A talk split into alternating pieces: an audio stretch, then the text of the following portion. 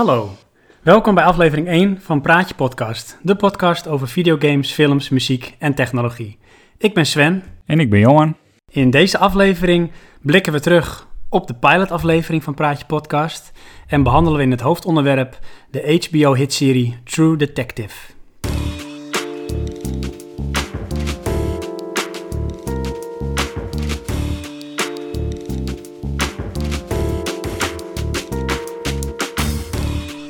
Nou Johan, uh, goeie avond. Goedenavond. Andere setting? Ja, in de woonkamer. Ja, we zitten niet meer in het uh, benauwde zolderkamertje, maar we hebben nu de luxe van de eetkamer in de woonkamer. En we hebben nieuwe apparatuur.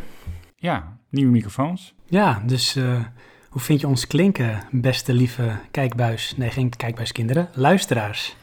Ik wil eerst even hebben over de pilotaflevering die we hebben opgenomen. Want nou, dat was natuurlijk onze eerste ervaringen in het opnemen en het editen en het publiceren van een podcast. Ja, bedankt voor de terugkoppeling daarvan. Zeker, ja, want we hebben redelijk wat uh, terugkoppeling gehad op uh, de website. Hè, op uh, www.praatjepodcast.nl Nou goed, er kwam in, over het algemeen wel hetzelfde feedback kregen we terug. Ja, dat het geluid... Ja, er zat nogal volumeverschil in. dat ook, ja. En inderdaad, ja, de kwaliteit was iets, uh, nou niet onder de maat, maar... Er was ruimte voor verbetering. Er was ruimte voor verbetering, ik vind dat heel positief opgemerkt. Ja, dus uh, nou, waar wij ruimte zien voor verbetering, dan pakken we die ook gewoon, hè, want zo zijn we ook. Dus uh, nou, vandaar dat we de nieuwe microfoons hebben aangeschaft. Het zijn hele mooie Divine USB 1 microfoons geworden. En ja, oordeel zelf, wij vinden het geluid erg goed. En ja, hier gaan we in het vervolg de podcast mee opnemen. Uh, is je verder nog iets uh, bijgebleven, Johan? Heb je nog kunnen slapen na je pilotaflevering? Uh, slapen wel hoor. Het, wat me wel het meeste bijbleef aan de eerste podcast maken is um, met name van het corrigeren van het toen dus mindere geluid. Um, dat er heel veel tijd in ging zitten. En ik ben toen een beetje een uurtje bezig geweest. En toen had ik twee minuten gecorrigeerd. En toen dacht ik van nou, als ik hier een uur mee moet gaan vullen, dan, dan wordt het een hele lange taak. Maar goed, achteraf uh, heb jij toen merendeels uh, opgeknipt? Ja, ja, zo goed als, uh, kwaad als dat ging. Dus dat is natuurlijk de ervaring die je in het begin opdoet. En ja, ik denk dat het redelijk gelukt is. Dat kregen we ook nog als feedback terug van een van de jongens van de Buttonbashers podcast. Dat voor een eerste poging was het zeker niet verkeerd. Dus nou, dat geeft de burger moed. En ja, nu is de uitdaging dubbel, hè? want we hebben dus twee microfoons, dus twee audiokanalen. Dus misschien ook twee keer zoveel werk. twee keer zoveel ellende, ja. Ja, ik vond het in ieder geval een leuke ervaring en het smaakte naar meer. Dus vandaar ook dat we nu de eerste officiële aflevering uh, op gaan nemen. Aan het opnemen zijn, ja. Aan het opnemen zijn. En uh, deze aflevering, daarin gaan we in het hoofdonderwerp uh, de HBO-hitserie... True Detective.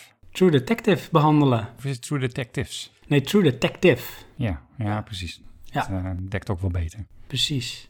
Dus laten we verder gaan naar het hoofdonderwerp. You wonder ever you're a bad man? World needs bad men. We keep the other bad men from the door. Well, you don't pick your parents and you don't pick your partner. A smart guy who's steady is hard to find.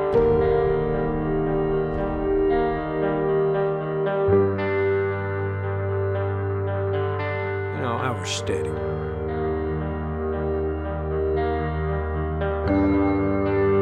Rust too smart. This is a world where nothing is solved. There are broader ideas at work. You ever see something like this? No, sir. Someone once told me that all your love, your hate, was all the same thing. It was all a dream. And like a lot of dreams, there's a monster at the end of it. Ja, jullie hoorden zojuist een uh, stukje uit uh, True Detective seizoen 1. We gaan beide seizoenen behandelen, maar het mooie is, dat doen we helemaal spoilervrij. Dus we gaan niks verklappen. Zo min mogelijk.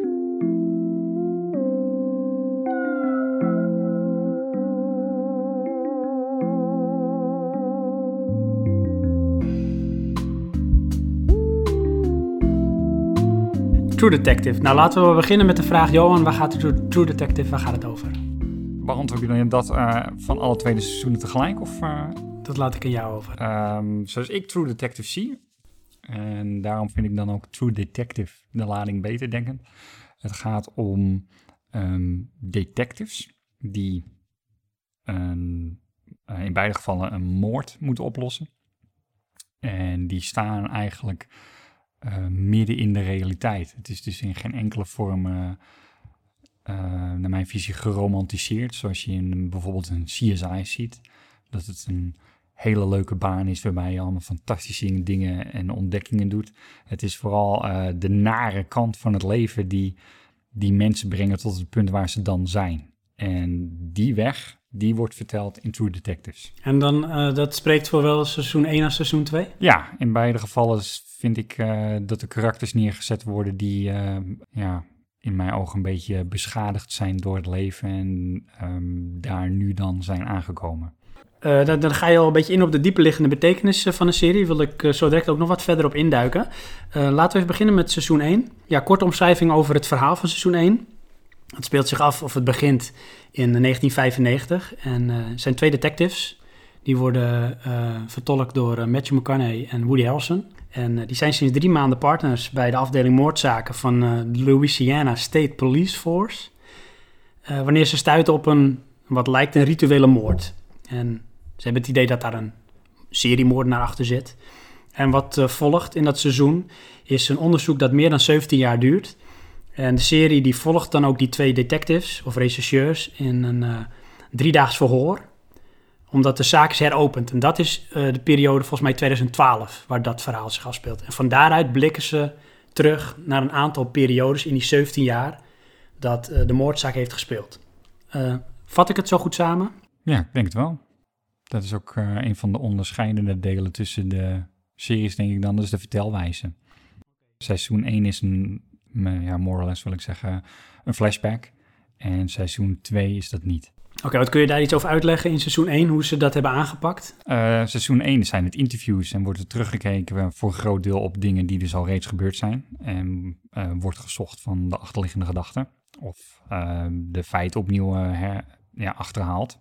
Eh, dat is een invulling doordat het een, een nieuw onderzoek is of een aanvullend onderzoek. En in seizoen 2 eh, wordt het eigenlijk gewoon ja, meer lineair verteld over hoe de personages dat even meemaken. Dus zijn, daar is niet sprake van flashbacks. Ja, die zijn er wel, maar die zijn dan puur ter eh, ondersteuning van de, de karakteropbouw. En niet zozeer, eh, in mijn visie seizoen 1 is dat de vertelwijze.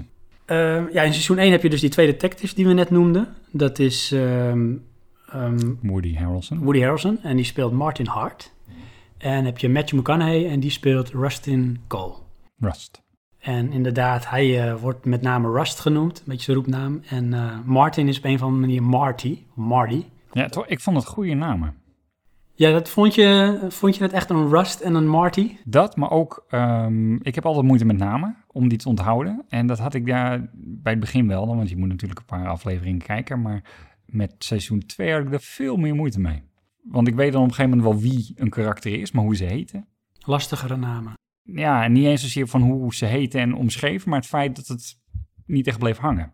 Oké, dus die, ehm, die twee eh, acteurs dan, eh, Matthew McConaughey, Woody Harrelson. Vind je dat eh, match made in heaven? Nou, ik had dat niet anders gezien. Kijk, ik, eh, Woody Harrelson vind ik altijd een leuke acteur. Ehm Matthew McConaughey heb ik daar wat minder mee. Maar die vind ik deze ook steengoed. En in, in beide gevallen, beide acteurs dragen hun karakter duidelijk. Eh, hoe moet ik dat zeggen? Het, het is niet echt typecasting. Als ik dat dan zou vinden van een van de twee, is dat meer van Woody Harrelson.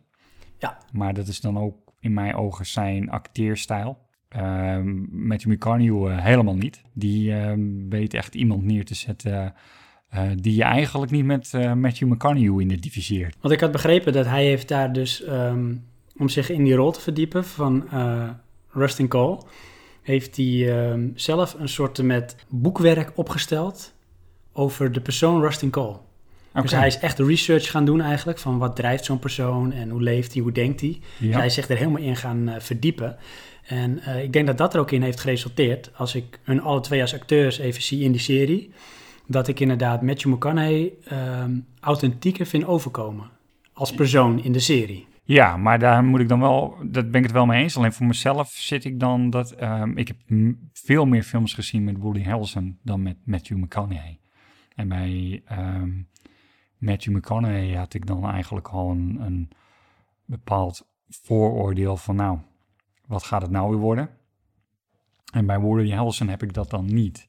Dus het contrast daartussen wordt dan ineens heel groot tussen wat, wat ik denk over Matthew McConaughey en wat hij daar neerzet. Ja, ja want eh, als je een beetje kijkt over, en dan verklappen we eigenlijk niks, zijn rol, hij als persoon is een beetje een soort eh, cynisch eh, persoon. Hè? Misschien ook, nou goed, dat heeft te maken met alles wat er gebeurd is en wat in de serie gebeurt. Dus dat moet je ook maar gaan ervaren. Maar hij weet dat op een of andere manier ook in zijn non-verbaal en zijn paraverbaal, dus de manier, zijn intonatie, hoe die praat, hoe die staat, heel erg over te brengen. En ik, dat is echt, volgens mij heeft hij dat ook echt zo neer willen zetten. Want als je hem bijvoorbeeld ziet in heel veel shots, hij heeft de bijnaam in de serie eh de Taxman. Want hij loopt Ja. altijd met een boekje, alsof hij een soort eh, met, van de Belastingdienst is, om het zo maar te zeggen. Notities te maken en hij heeft een beetje een hele, ja, een beetje te neergeslagen houding. Zijn Ja, armen altijd naast zijn lichaam. Leidend. Bijna leidend inderdaad, zijn hoofd een beetje gebogen. Hij maakt zich kleiner en eh, ja, dat straalt eigenlijk helemaal zijn persoonlijkheid uit als die Rustin Cole is. Ja, alleen ehm, als ik dit dan hoor, heb ik een bepaalde beeld op. Maar hij is niet ondergeschikt. Hij is absoluut niet ondergeschikt. En dan bedoel ik niet als karakter, maar ook niet als persoon. Als persoon, Eh, nee. Nee, klopt. En dat is ook iets wat, wat gaandeweg de serie zich verder ontpopt. Eh, voordat we daar dieper op induiken, even wat eh, feitjes over de serie. Weet je wie de producent is? Nee, ja, wel, maar nu niet. Maar, Oké, dat is Nick, en dan hoop ik dat ik het goed uitspreek, Pizzolatto. Ja, En eh, de Italiaan. De Tenminste, Italiaan. Ik weet niet of het een Italiaan is. hij heeft wel een beetje zo'n Italiaanse uitstraling als je hem ziet. Hm. En ehm, hij heeft, ehm, voordat hij True Detective heeft eh, gemaakt, want die heeft hij helemaal zelf gemaakt, geschreven, geregisseerd. Oké. Hij is zogenaamde showrunner geweest. Daar ga ik zo nog iets over vertellen. Maar hij heeft, eerst heeft hij eh, twee afleveringen gemaakt voor het eerste seizoen van The Killing. En dan de remake, de Amerikaanse remake. Toen liep hij al een hele tijd eh, met het idee voor True Detective. Want True Detective was in eerste instantie, zou dat zijn tweede boek worden. Want hij had al een boek geschreven, eh, Galveston. En dat is een stadje ergens in Amerika. En eh, het tweede deel van dat boek, wat ook, en dan ga ik eigenlijk weer een beetje van hak op de tak, maar wat ook onderdeel is van een bloemlezing of een antologie-serie, want dat is True Detective ook. Daar was dus True Detective het tweede boek van, van Galveston. Toen dacht hij van, dit is eigenlijk veel te goed of ik wil veel meer uitleggen dan dat ik in het boek kan doen. Ik wil het op beeld brengen, visueel. Dus ik wil er eigenlijk iets van een film of een serie van maken. En eh, toen heeft hij dus helemaal True Detective uitgeschreven als een script van meer dan 400 zoveel eh, pagina's. En daarmee is hij gewoon de boer op gegaan. En al heel snel kwam HBO in de lucht. Dat was in 2012 en toen is er een deal gesloten, is het verkocht aan HBO. En in 2013, juni 2013, waren alle afleveringen van seizoen 1 ook opgenomen. Hebben ze 100 dagen over gedaan, 100 eh, filmdagen. En de eerste aflevering werd in 2014, januari, werd die uitgezonden. En het was ook meteen de best bekeken nieuwe serie ooit bij HBO. Dus dat zegt ook wel iets. Heeft waarschijnlijk ontzettend veel te maken met ook de, De marketing hype. eromheen en de hype. Want je hebt Woody Harrelson en, eh, Matthew McConaughey. Ja, maar dat was een beetje, denk ik, ehm, mijn beeldvorming ook. Een grotere nadruk op filmacteurs en series. Ja, En dat begon daarmee. klopt. Ja, daar wilde ik straks ook nog even wat, eh, wat dieper op ingaan. Ik noemde het showrunner, hè? Ja. Want onze Nick, wat mogen we onze Nick noemen, die heeft eh, die eh, serie, eh, seizoen 1, helemaal zelf dus geschreven, eh, geregisseerd, alles gedaan. En dat noemen ze in Amerika dus een showrunner. Showrunner wordt ook wel vaak aan- aangeduid als een executive producer. Maar het is vaak een combinatie van taken, verantwoordelijkheden, die normaal belegd zijn bij een schrijver, een executive producer of een script editor. En hij, als showrunner, ben je alles in één. Oké. Waarbij een film bijvoorbeeld de regisseur het meeste bepalen heeft, Ja. dan is bij een televisieserie de showrunner de hoogste in de drang. Maar die regisseert dan ook? Ja. Oké. Ja, die regisseert dan ook. En dat was natuurlijk best wel een uitdaging, maar het dus, wat ik had begrepen, zo'n eh, beeld voor ogen van zo moet het, zo wil het. Dus dan ga ik het ook op die manier doen. Ik doe geen concessies. Ik vind dat die op deze manier eh, geproduceerd, gemaakt moet worden, dus dan ga ik het ook zo doen. Dan heb ik touwtjes zelf in handen. Ja, dat kan je ook wel zien. Het is leuk of niet. Of je vindt het mooi of niet eh, qua serie, denk ik. Eh, Geldt dat ook voor seizoen 2? eh, nee, ik vind seizoen 2 aanzienlijk toegankelijker. Komt ook omdat er twee keer zoveel karakters in zitten, denk ik. De manier van tellen is wat, basic wil niet zeggen, maar toch wat conventioneler. Geen grote flashback. Maar ik denk dat dat ook wel moet in die zin van ehm, je wil je succes vergroten. Nou, dus één manier om dat te doen is door je publiek te, ook te vergroten. Ja, inderdaad. Dan maak je het eh, toegankelijker, denk ik. Ja. Hey, eh, True Detective, vind je dat een goede serie? Ja, beide seizoenen vind ik eh, een goede serie. Seizoen 1 had ik vooral, einde, of, vooral moeite met het einde. En seizoen 2 ehm, had ik een beetje moeite met een van de karakters. Alle karakters werd de, hun geschiedenis uitgelegd, hoe ze tot een bepaalde problematiek kwamen of eh, waar die vandaan kwam. En bij eentje vond ik dat een beetje te langdradig worden. Oké. Haakt je daardoor ook een beetje af? Ja, dan- doordat dat te langdradig werd, werd dan zo'n aflevering voor mij te langdradig. Eh, dat is dan weer het nadeel van vier karakters. Je hebt dus vier verhaallijnen en je krijgt dan sowieso voorkeur. Nou, en eentje is de minste. En dan moet je daar doorheen, omdat je dan de andere wil zien. eh. Ja, want in seizoen 1 draait het met name om eh, de twee detectives. Die staan echt centraal. Ja. En daaromheen heb je nog wel wat ondersteunende characters die wel degelijk een belangrijke rol spelen. Maar ook daarvoor ga de serie kijken, dan wordt dat duidelijk.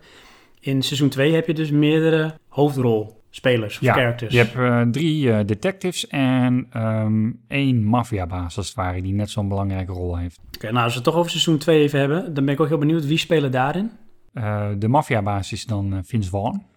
Vince Vaughn, weet je, dan moest ik meteen, hè, dat ik dat zag, dacht ik van, oké, die ken ik alleen van uh, comedy eh. Ja, ja, maar dat is ook het sterke eraan. Hij speelt hier in eh, Frank eh, Simeon, eh, dus de maffiabaas. Eh, maar hij heeft nog steeds een babbel. En dat maakt hem ook zo goed. Je ziet hem ook niet als de, de ultieme bad guy. Je ziet hem als de, tenminste zo ervaar ik het, als de bad guy die geweld niet schuwt, maar niet meer wil gebruiken dan nodig. En heb je dan ook, eh, om meteen maar eh, daar wat dieper op in te gaan, een soort met, ja, noem het maar sympathie, of kun je identificeren dan met hem? Nou, identificeren niet, maar ja, ik vind hem het tofste karakter. Maar juist weer door die babbel. Ja, Of eh, ja, door de, door de manier hoe hij praat en reageert op de situatie. dus dat maakt hem toch voor jou in dat opzicht wel likable. Ja, toegankelijk. Ondanks dat het slecht is dan. Eh, gezien de, de serieuze toon van de serie zou ik dan eerder geneigd zijn om niet voor de slechte kant te kiezen. Eh, maar in zijn geval eh, maakt dat voor mij niet zo, eh, doet dat punten niet zoveel toe. Nee. Wie hebben we nog meer? Colin Farrell, Colin Farrell. ja, dat is een van de, de de- detectives. En die speelt Ray Velcoro. Oké, wat voor accent gebruikt hij in zijn film? Want volgens mij heeft hij van zichzelf een heel Engels accent of zo. En is het echt nu Amerikaans? In mijn ogen is het Amerikaans, ja. Ze hebben geen echt accent. Het enige wat ze wel ehm, ja, bijna allemaal doen in eh, seizoen 2 is met een zware stem praten. Oh ja. En ehm, dat bepaalde scène wordt het zo benadrukt dat ik het een beetje eh, dominant aanwezig vond. Oké. Want eh, in het algemeen steunt het hun punt van eh, het lijden van het leven. En dat ze op dit punt gekomen zijn. Alleen in die ehm keukenscène wordt er een dialoog gevoerd en dan komt het wel heel erg naar gaan ze kijken wie heeft de meest baritone stem. Nou ja, precies. Dat, dat gevoel krijg je er een beetje bij. Verder is het een hele coole scène. Maar op dat moment werd ik het toch wel even uitgetrokken eh, qua ehm, disbelief. Dus jij vindt eh, wat dat betreft eh, True Detective wel een, een goede serie. Ja. Maar waar moet volgens jou een goede serie aan voldoen? Ehm, aan een aantal dingen. Het moet een bepaalde pacing hebben, een bepaalde snelheid. Ehm, dat ondersteunt dan het, het tweede punt waar het aan moet voldoen. Het moet mij eh, ehm, gevoel van illusie in stand houden. Ehm, ik moet niet dingen zien waardoor ik denk van nou, dat slaat echt helemaal nergens op. Want dan ben ik eruit. Oké, is dat dan eh, in die setting of is dat überhaupt? Dus heb je bijvoorbeeld moeite met fancy? Nee, dat, eh, dat kan van alles zijn. Kijk, in een setting kan het zijn iets wat de settingbreuk doet. Maar ehm, om een andere serie te nemen, Breaking Bad, daar had ik het met een karakter, eh, Skyler. Super irritant. Ja. En zodra die in beeld kwam, had ik echt zoiets, man, kan ik dit niet doorspoelen of zo? Oké, maar dan, dan haalt het je eruit, dus het is een storende factor. Maar Ja. is het dan ook een soort met, eh, noem ik maar even, een suspense of disbelief? Dus dat het je daardoor uit het gevoel van de serie haalt, omdat het niet klopt? Nee, eh, in dat geval eh, raak ik te veel geïrriteerd door het karakter. Want ik vond juist Skyler, wat dat betreft, als personage reet irritant, maar wel briljant bedacht. Ik vond die juist perfect passen in, in die serie, in Breaking Bad. Ook al vond ik haar heel irritant. Ja, nou, die, die zijn er wel. Zoals ehm, eh, Game of Thrones, King Joffrey. De, de guy you love to hate. Ja, zo hé. Maar die brengt het op zo'n...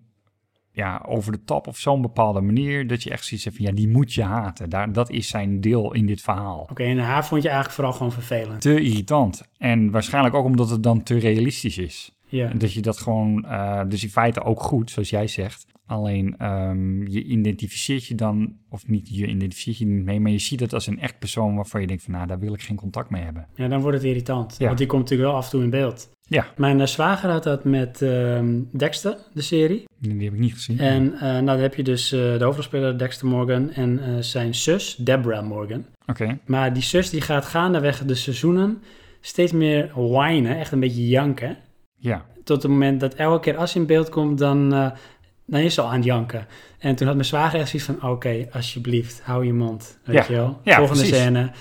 En maar dan ben je dus aan het wachten op dat het voorbij is, in plaats van de serie aan het kijken. Ja, dat is vervelend. Dat heb ik trouwens zelf niet zo heel snel, moet ik zeggen. Ik heb het eh, relatief snel. Oké, je bent in het echte leven ook snel. Ja, inderdaad.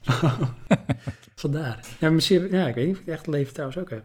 Maar ja, goed. Ja, ik denk dat iedereen wel mensen heeft die eh, meer of minder mag. Ja. En dat eh, dan niet eens eh, gebaseerd op ervaring, maar gewoon op karaktereigenschappen. ja, want heb je ook dat je dan bijvoorbeeld een bepaald personage uit een serie kunt koppelen aan iemand die je kent?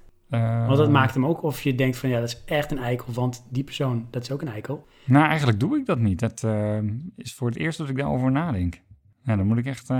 Nou, laat die nog maar eens even vallen. Want Ja, je, je gaf net even aan, hè, een goede serie volgens jou voldoet aan bijvoorbeeld eh, pacing. ja, Eh, nou, noem het maar even een bepaalde suspense of disbelief. Hoe makkelijk of hoe lekker kan ik het eh geloven wat er gebeurt en blijf ik daardoor in die serie of niet? inderdaad. Nog meer dingen? Ehm, het moet voldoen aan de verwachting. In de zin, gaandeweg een serie wordt er een bepaalde verwachting gekweekt. Wanneer dan het voetmoment komt van die verwachting, moet dat dus een voldaan gevoel geven.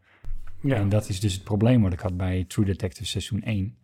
Eh, de onthulling of ontknoping, als je het zo wil zeggen. Ja, dat stond te ver af. Voor mij, eh, dat had ik niet verwacht. Je had het niet verwacht. Dus Nee. daarin zou het eh, net zo goed heel goed verrassend kunnen zijn. Maar je had iets anders verwacht wat het dus niet is geworden. Ja, ja, kijk, verrassend is wat anders. Dat doen ze in Game of Thrones. Ja, neem de, de, de Red Wedding of een bepaalde, ik weet niet hoe die aflevering heet, maar die vechtscène, dat die... ik weet eh, wat je bedoelt. Inderdaad, Die zie je niet aankomen. inderdaad. Maar dat is dus binnen het wereldbeeld van Game of Thrones. Dit vond ik eh, meer een stijlbreuk. Oké, dat is iets wat je ook wel eens bij films hebt. Ja. Dat ze werken naar een ontknoping of het einde. Dan lijkt het soms wel of het eh, heel gehaast moet. Of soms dat het iets is wat je niet ziet aankomen, maar totaal niet aan je verwachting voldoet. Ja. En soms is het helemaal raak. Want, Ja, maar er- dat is de kunst. Ja, wat zijn er bij jou series die dat hebben gedaan, die afgerond zijn? En zonder dat je die dan verklapt, dat je denkt, ja, dat was nou iets, die hadden een goede closure. Want weet je, dat als ik daarover nadenk zelf, hè, ik heb dat niet. Ik heb eigenlijk altijd, en dat is misschien iets Amerikaans, want het zijn eigenlijk nagenoeg allemaal Amerikaanse series die je kijkt, dat ik ergens altijd wel een beetje teleurgesteld ben in hoe het afgerond wordt. En dat komt misschien omdat ik, jam, omdat ik het jammer vind dat het afgerond is. Ja, precies.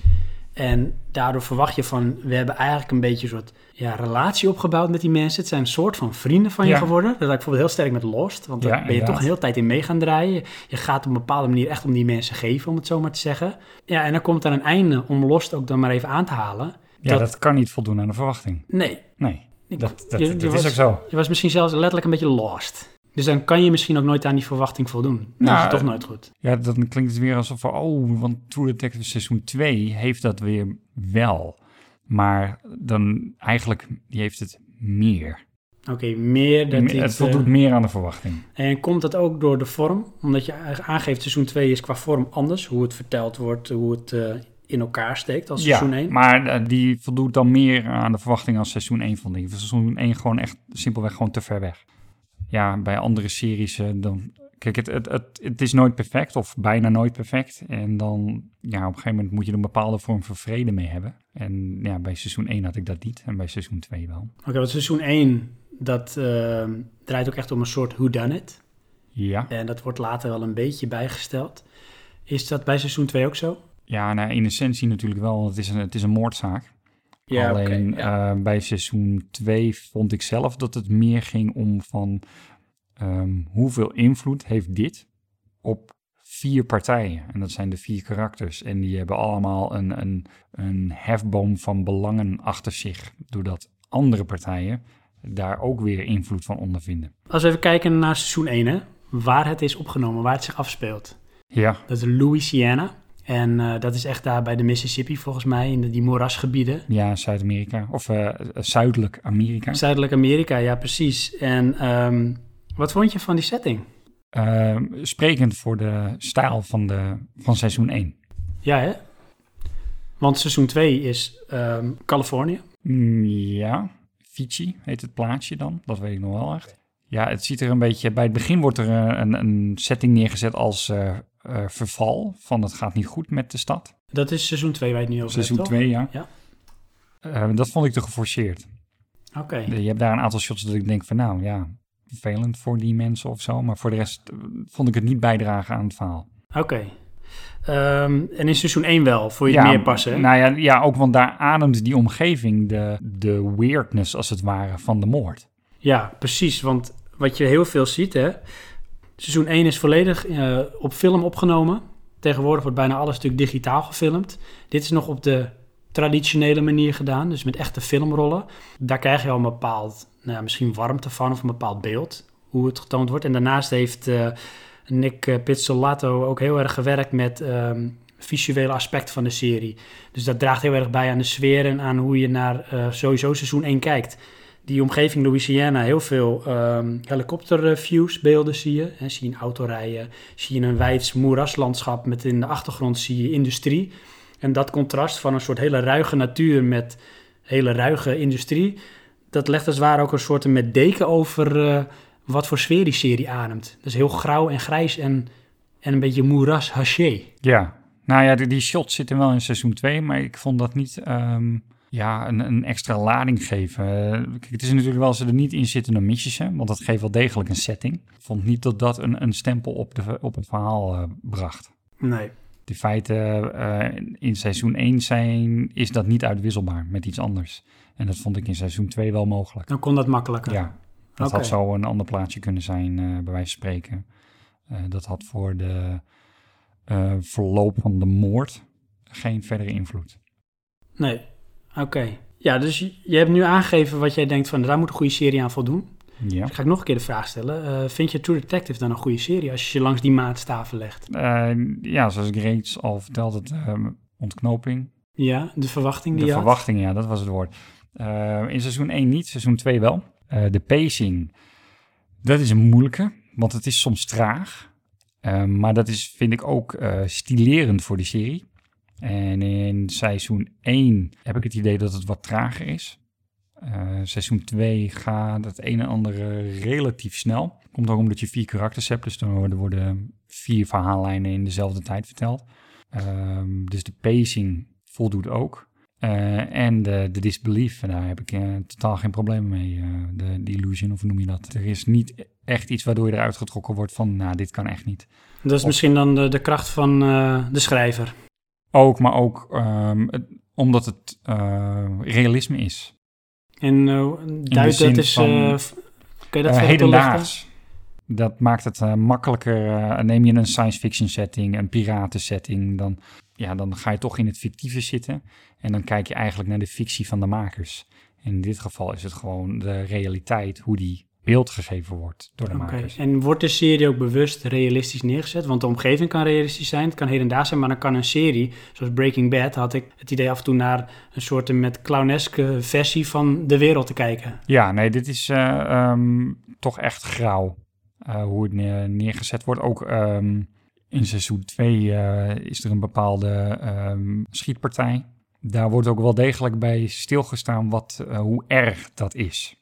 En, en neem je een gemiddelde politiefilm of serie, dan schieten ze er maar op los en dan eh, hebben ze de bad guy.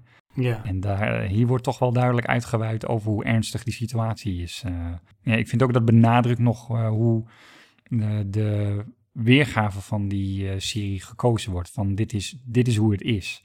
En ehm, de levens van die eh, eh, karakters, van die, die detectives, die zijn niet leuk. Die, die maken niet de leuke, mooie dingen mee. Die zitten in de, eh, de le- ellende van de samenleving en die moeten dat oplossen. Ja, Dan duiken we een beetje richting de thematiek. Voordat we daarop ingaan, wat ik nog eh, vergeten was eh, toe te lichten, is dat eh, True Detective is een antologie-serie. Mm, Bij eh, met name dat boek wat hij geschreven had, wat het ook in die stijl gedaan. Een antologie-serie, dat ja, vertaald naar Nederlands is, noem je dat een bloemlezing. Dus eh, dat kan een soort, eh, in een boek is het een verhalenbundel met een eh, bepaald thema, maar losse verhalen. En dat is hier dus ook. En dat eh, heeft dan als voordeel dat elk seizoen heel erg op zichzelf kan staan. Ja, dat, ehm, ik denk dat het ook voor hun, de makers, heel eh, fijn is. In die zin, eh, je gaat er sowieso vergelijken. Maar ze zijn eh, eigenlijk in staat om bij elk seizoen opnieuw te beginnen. Ja. ja, zonder dat daar zoveel verschil ontstaat tussen die twee seizoenen dat je ze niet meer kan identificeren. Want er zal iets, het zal iets uitademen waardoor je denkt, dit is True Detective. En dat zijn de, de karakters. Die zijn ook in beide seizoenen eh, sterk opgebouwd. Er wordt veel aandacht aan besteed. De achtergrond, wie ze zijn, waarom ze zo zijn. eh, wat voor keuzes ze maken of hebben gemaakt. En waarom. Ja, laten we dan meteen de thematiek en eh, wat karakteruitdieping doen. De diepere betekenis of de thematiek, dat komt heel sterk, of dat heeft misschien zelfs een hele prominente rol hè, in True Detective. Ja, Want waar in seizoen 1 eh, het heel snel lijkt dat het een whodunit verhaal is, blijkt dat dan meer te gaan verschuiven naar wat is een beetje de achterliggende gedachte van de serie. Wat is het moraal van een mens of eh, eh, wat is een, een leven van een mens waard? En grenzen vervagen ook als je kijkt naar de rollen die mensen hebben. Iemand is een regisseur, maar ook een vader, maar misschien ook wel een verslaafde. En dat is zo met elkaar verweven dat dat die mensen echt een beetje van vlees en bloed maakt. En dat, dat zet ook die thema ook heel sterk neer, vind ja ik. daar gaat Detective. het. Uh, merendeels om in beide seizoenen. Het gaat om eh, karakteropbouw. De moord van de Whodunit is als het ware de, de ophangstok om eh, de verhaallijnen te verbinden. Ja, de kapstok. Ja, Ja, en in seizoen 2 dus ook wat je zegt. Hè? Dus echt de, de characters worden krijgen, zijn eigenlijk van vlees en bloed. ja. Je zou kunnen geloven dat het personages zijn die bestaan. Ja, dat weten ze ook goed te brengen hoor. Er zitten echt stukken in dat je denkt van, nou, dat is echt niet tof. Eh, juist daardoor had ik zoiets van, je identificeert je of je, je voelt voor die mensen, je leeft met ze mee. Heb je een voorbeeld? Ja, maar dan ga ik spoilen, dus dat wil ik niet. Als we dan even kijken naar eh, seizoen 1 en de characters. We hadden ze in het begin al even aangehaald. Onze vrienden eh, Woody Harrelson en Matthew McConaughey. Ja, Martin en Rust. Martin en Rust. Nou, laten we even beginnen met, eh, met Rust. Hè? Dat is dus Matthew McConaughey. Wat voor soort persoon is dat, denk jij precies? Denk ik precies. Nou, hoe die bij mij overkwam, ehm, eh, realistisch en analytisch. En eigenlijk, eh, hij ziet het leven meer als ehm, iets wat je moet ondergaan, als wat je moet vieren. En dat is misschien een beetje nog zacht uitgedrukt in hoe hij zich uit eh, in de serie. Ja, ik eh, had zelf eh, de notitie gemaakt als, als Batman en eh, de Joker een kindje zouden krijgen. Dan hadden ze hem Rustin Cole genoemd.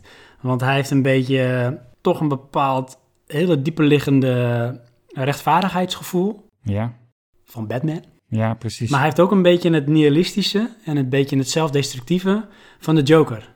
Ja, inderdaad. ehm, het, eh, het doet er niet zo toe voor hem. Ehm, en misschien is dat een beetje een rare bewoording, maar hij staat wel echt op, op het randje van depressief en eh ermee ophouden, vind ik, eh, hoe hij zich uit. Ja, hij zegt ook op een gegeven moment, volgens mij in de psychologie of filosofie, noemen ze hem een, een, een pessimist of een realist. Ja, En dan vraagt eh, Martin op een gegeven moment van, eh, wat bedoel je daar nou precies mee? En dan zegt hij heel treffend, ja, ik ben niet zo gezellig op feestjes. ja, En dat vond ik heel typerend voor dat soort uitspraken, weet je. Ja. Ja. De beeldspraken en eh, dat, is, ja, dat, dat omschrijft hoe hij is. En zo heeft hij in die hele serie door wel hele sterke, nou, het zijn niet one-liners, het zijn gewoon hele sterke soms monologen of betogen. Hoe hij nou, tot op het filosofische, het Nietzsche-niveau eigenlijk het leven ziet. ja, ja, maar ook die, hoe eh, Martin daar dan mee omgaat. Van, don't say that shit to my wife. dat is echt, dat maakte die karakters. Ja. In één moment heb je echt zoiets ja, dat is echt niet tof om te horen. Nee, inderdaad. Want eh, nou, Martin Hart, dat is dus ehm, eh, Woody Harrelson, wat trouwens Ja. wel grappig is. Ehm, dat ehm, de cast werd, eh, zeg maar, dat de mensen werden gecast. Dus eh, van, ik wil jou voor die rol. Toen had eh, Nick Pizzolatto heel snel Matthew McConaughey op het oog. Maar hij wilde hem Martin Hart laten spelen. En toen had Matthew McConaughey het script gelezen, vond hij briljant. Hij zei, ik wil het doen, maar ik wil Rustin Cole spelen. PS, ik heb ook een, acteur voor je die absoluut de rol van Martin Hart moet spelen, dat is Woody Harrelson geworden. Ja, Ik had het ook eigenlijk, maar misschien omdat we het nu kennen zoals het nu is, had ik het ook niet anders kunnen zien. Eh, nee, maar wat je zegt, alleen, ja, daar komt bij, eh, hoe heet die, eh, Woody Harrison, die zet echt Martin neer. Van ja, dat, zo is Woody Harrison en Martin, dat zou gewoon twee, één persoon kunnen zijn. wij spreken heel geloofwaardig. Ja, En dat doet Matthew McConaughey ook. Maar die vind ik daar dat dus een grotere acteerprestatie. ja, In die zin bedoel ik dus dat ehm, eh, Woody Harrelson in mijn hoofd al op die Martin lijkt. Ja, die kon eigenlijk in het, in het spelen van die rol dichter bij zichzelf blijven. En eh Matthew McConaughey moest misschien een bepaald type neerzetten. En dat, dat is wel, vind ik, echt heel goed gelukt. Ja, Ik had, en dat jij dacht ik ook wel op momenten, de vibe en het beeld van hem, zoals je hem zag, eh, zoals hij ook in Interstellar speelt. ja, En Interstellar is natuurlijk, nou, hij is ergens ook wel realistisch, maar toch positiever. ja. Maar je ziet wel een beetje diezelfde soort blik en eh gelaatuitdrukking. Nou, dat vond ik eh, in de trailer van eh, de eerste trailer van Interstellar. Dat had zo de trailer van True Detectives kunnen zijn, vond ik. Want je ziet echt een gebroken iemand. Ja, precies. En dan Dat- rijdt hij weg in die auto. denk je echt van, nou, weet je, end of life. Ja. Ehm, Oké, en Woody Harrelson. Ja, Martin Hart, wat voor persoon is dat? een flamboyant, vrije persoon die vooral doet waar hij zelf zin in heeft. Ja, dat klinkt als een cowboy. Ja, dat is het ook. Maar ergens Ze is gaan het... ook naar zo'n country stal-achtig iets waar ze bier drinken en zo. Klopt, ja, het is wel wat dat betreft een soort eh, cowboy. Maar Ja, als je hem eh, zo in het begin meemaakt, denk je, nou, het heeft leuk voor elkaar. Hij Dat heeft is een de- vrouw, hij heeft een gezin, hij is religieus en eh, ja, hij heeft het allemaal wel op orde, hè? ja de, de American Dream wil ik niet helemaal zo zeggen, maar wel zijn huisje, boompje, beestje, ja. Maar dan, daar blijkt toch meer achter te zitten. Ja, ja hij ontwikkelt zich... eh, nou, eigenlijk alle twee ontwikkelen ze zich gaandeweg als een, een tegenpol van zichzelf. En daardoor vind ik ze steeds dichter bij elkaar komen. Waar je in het begin heel sterk inderdaad het gevoel hebt dat ze een bepaalde character zijn. Ja, Ontwikkelen ze zich doordat je ze leert kennen en er gebeuren dingen. Ja, dus eh, dan draaien ze 180 graden van elkaar lijkt wel. Maar eh, daardoor lijkt ze gaandeweg de serie inderdaad steeds meer nader tot elkaar te komen. Omdat ze steeds meer inzicht krijgen in wie ze zijn, wie Ja. de ander is. ja ze, ze weten hoe... Ze gaan op een bepaalde manier weten hoe de ander denkt. In het begin denk je vooral dat ehm, Rust, Ja. dat die het moeilijk heeft. Nou, die heeft het ook wel moeilijk hoor. Maar, eh, en dat Marty dus eh, nou, het leuk voor elkaar heeft. Maar dat wordt heel snel duidelijk dat dat blijkt dat Rust misschien wel de realist is en heel goed ziet hoe het zit. Ja, ja, je hebt bij het begin het idee dat Martin Rust op sleeptouw neemt. Ja, En eh, daarna krijg je een beeld dat ja, eigenlijk Martin op sleeptouw genomen moet worden. Ja precies. Om eh, de boel niet eh, verder kapot te laten gaan. Inderdaad, ja. En dan zie je ook dat hij daarin ook steeds meer een soort beroep doet op eh, Rust. En dat vind ik, vervolgens, ja. en dat vind ik grappig om te zien. Het is- op een of andere manier schiet er ook meteen weer een scène te binnen. En dat vond ik zo'n mooie scène. Dat, dat is volgens mij ergens halverwege het seizoen. Dan zijn ze op een locatie weer om iemand te ondervragen. En op een gegeven moment krijgt dan eh, hoe de, eh, Matthew McConaughey, dus eh Rustin Cole, is iemand het ondervragen. En Martin Hart, die krijgt een telefoontje of een oproep in de auto. En die begint te toeteren naar, naar Rust. Van kom, we moeten weg, toeteren, toeteren. En naar Rust draait zich om, loopt op zijn dode gemakje er naartoe. En je hebt zelf het gevoel, kom op, kom op. Er is echt iets urgent, waarom loopt niet harder? En dan hoor je op een gegeven moment ook daarna precies um, Woody Harrelson zeggen... Wie loopt er in godsnaam zo langzaam? ja. Ja. Ja. Dat vind ik zo mooi, hè? Dat roept hij hardop in zichzelf. En ook dat soort dingen, ja, dat, dat schiet hij gewoon in de lach. Dat vind ik prachtig. Want dat zijn de gedachten die je dan zelf ook een beetje hebt. Die verwoordt Ja. hij zo.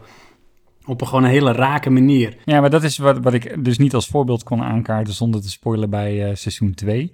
Eh, je identificeer je met de situatie die er gebeurt. Ja, precies. En ehm, in dit geval zegt dan die Martin zegt letterlijk wat jij ook denkt van man, loop nou door. Ja, En waar ik aan dacht bij eh, de scène in seizoen 2 is het iemand eh, die doet iets of die heeft iets gedaan waarvan jij denkt, oh dat is echt erg.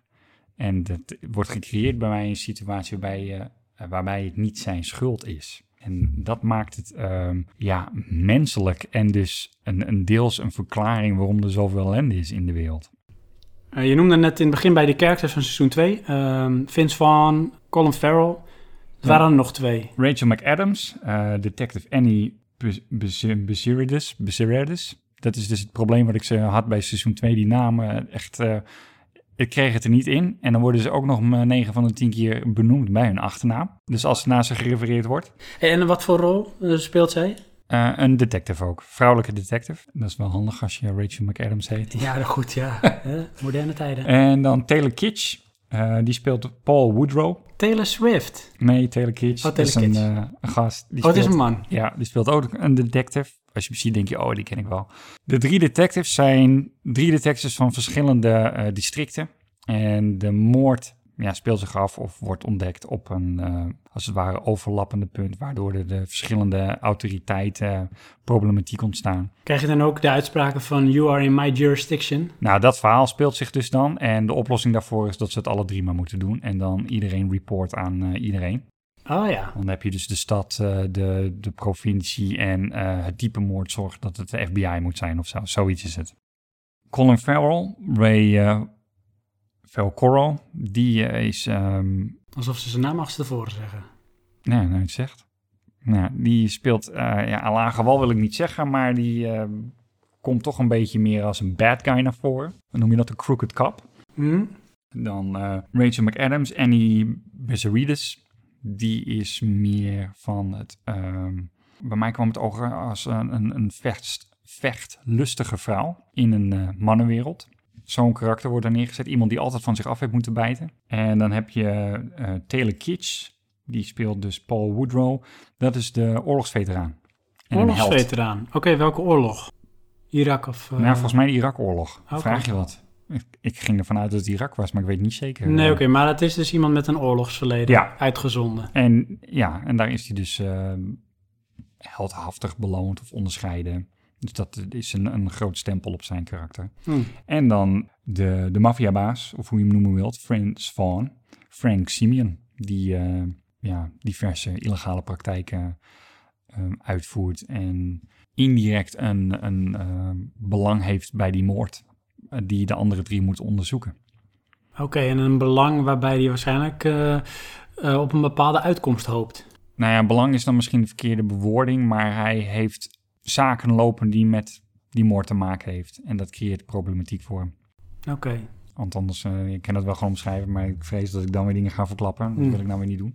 Ja, ik- ik denk dat je in beide gevallen de serie gewoon echt moet kijken om, om die conclusies zelf te maken. En hierbij is het dus ook, aan bepaalde characters, daar identificeer je je makkelijker mee. Niet dat je denkt, nou dat ben ik ook, maar daar kan je iets meer bij voorstellen. Ja. De kracht uit seizoen 1 vond ik, want ik heb seizoen 2 overigens niet gezien. Mhm. Eh, de kracht uit seizoen 1 vond ik dat elke karakter op zich heeft zoveel laag, is een multidimensionaal persoon, dat ik niet meteen daardoor eh uitgetuned ben of er een stempel op druk. Dus iedereen heeft zijn voor's en tegens, waar ik ook iets van kan vinden.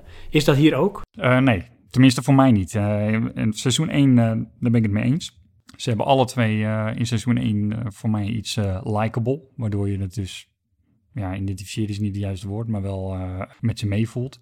En in seizoen 2 begrijp ik de karakters, om het zo te zeggen. Dat, ze vertellen het dus wel goed, maar daar heb ik een duidelijke voorkeur voor Vince Vaughn. Dat is dan toch om zijn babbel, waardoor die dus een beetje leuker, maar ook sterker naar voren komt. Eh, wat in seizoen 1 heeft, eh, wat was hij, de Rusty van die bepaalde uitspraken. En in seizoen 2 is dat Vince Vaughn. Oké, ja, die zet wel eh, de toon op Ja. momenten. Inderdaad. in de andere verhaallijnen hebben ze hun eigen momenten. Dus het, het is niet dat hij het dominante karakter is, maar voor mij wel de meest likable en daardoor identificeerbaarder. Oké, in seizoen 1, ehm, elke aflevering gaat wel over de characters. Over hun allemaal wel, hè. Je hebt nu in seizoen 2 vier characters. Maakt ze daar nog wel eens een eh, soort splitsing dat iemand een aflevering de aandacht krijgt? Of is er altijd wel een overlap tussen al die vier de personages? Eh, nee, het eerste. Er is altijd wel een overlap. Het, is nooit dat het alleen maar over eh, één of twee gaat. Alleen ehm, er is er wel duidelijk één dominant.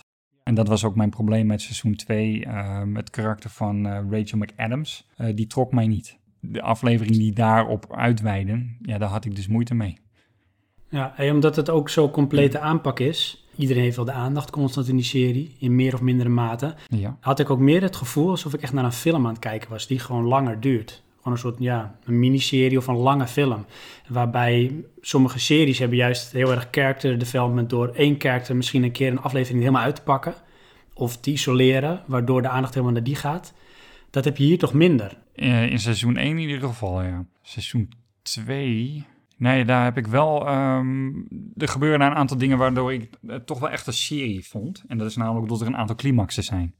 Oké, En ehm, tenminste, ik ervaarde dat zo. En daarna kabbel je dan weer verder en dan gaan we weer verder. En eh, ja, in een film heb ik dat niet. eh, tenminste, niet zo gauw. nee.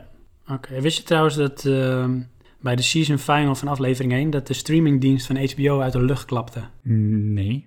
Dus zo, eh, nou ja, dat heb je natuurlijk vaker met season finals. Maar dit hadden ze waarschijnlijk niet voorzien, dat er zoveel eh, Streamers. streamers waren er inderdaad. dus. Dat, dat trok het niet. Dus dat geeft toch ook wel aan dat eh, er wel degelijk een succesfactor aan vast zat. Of slechte hardware. Of slechte hardware, ja, inderdaad.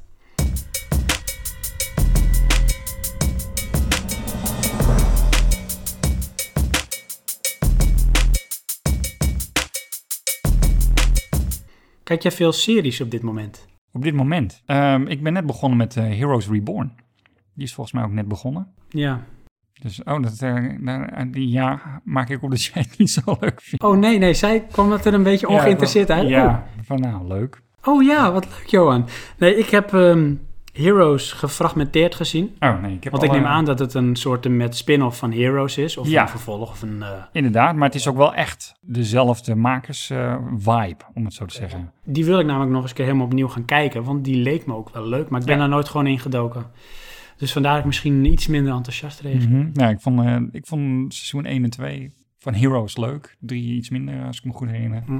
En ik heb nu drie afleveringen gezien. Volgens mij zijn er ook nog maar drie. Ja, het vraagt toch naar meer. Oké, wat Smaakt hoeveel series eh, tegelijk kijk je dan? Tegelijk, dat ligt er maar net aan wat er uitgezonden wordt. Doe je dat wel als er meerdere zijn, dat je dingen door elkaar heen kijkt? Ja hoor, eh, Big Bang Theory eh, kijken we. Oké. Nou, dat maakt echt geen moer uit of ik dat nou tussen een Walking Dead kijk of een Game of Thrones. Nee, heb maar bijvoorbeeld een Game of Thrones en een Walking Dead gelijktijdig zou kunnen. Ook, maakt mij echt niet uit. Nee, Want eh, ja, kijk, ik zet ze nu natuurlijk niet alle twee tegelijk op het scherm aan. dat is heel lastig. Het is niet technisch onmogelijk om dat te doen. Het is meer, eh, dat doe je natuurlijk niet. Maar ehm, nee, ik heb daar geen problemen mee. Het is niet dat ik mij eh, ehm, door het ene verhaallijn uit de andere serie getrokken word of zo. Nee. Nou, wij hebben, ehm, we hebben Netflix. En daar heb je een aanbod, daar word je bang van.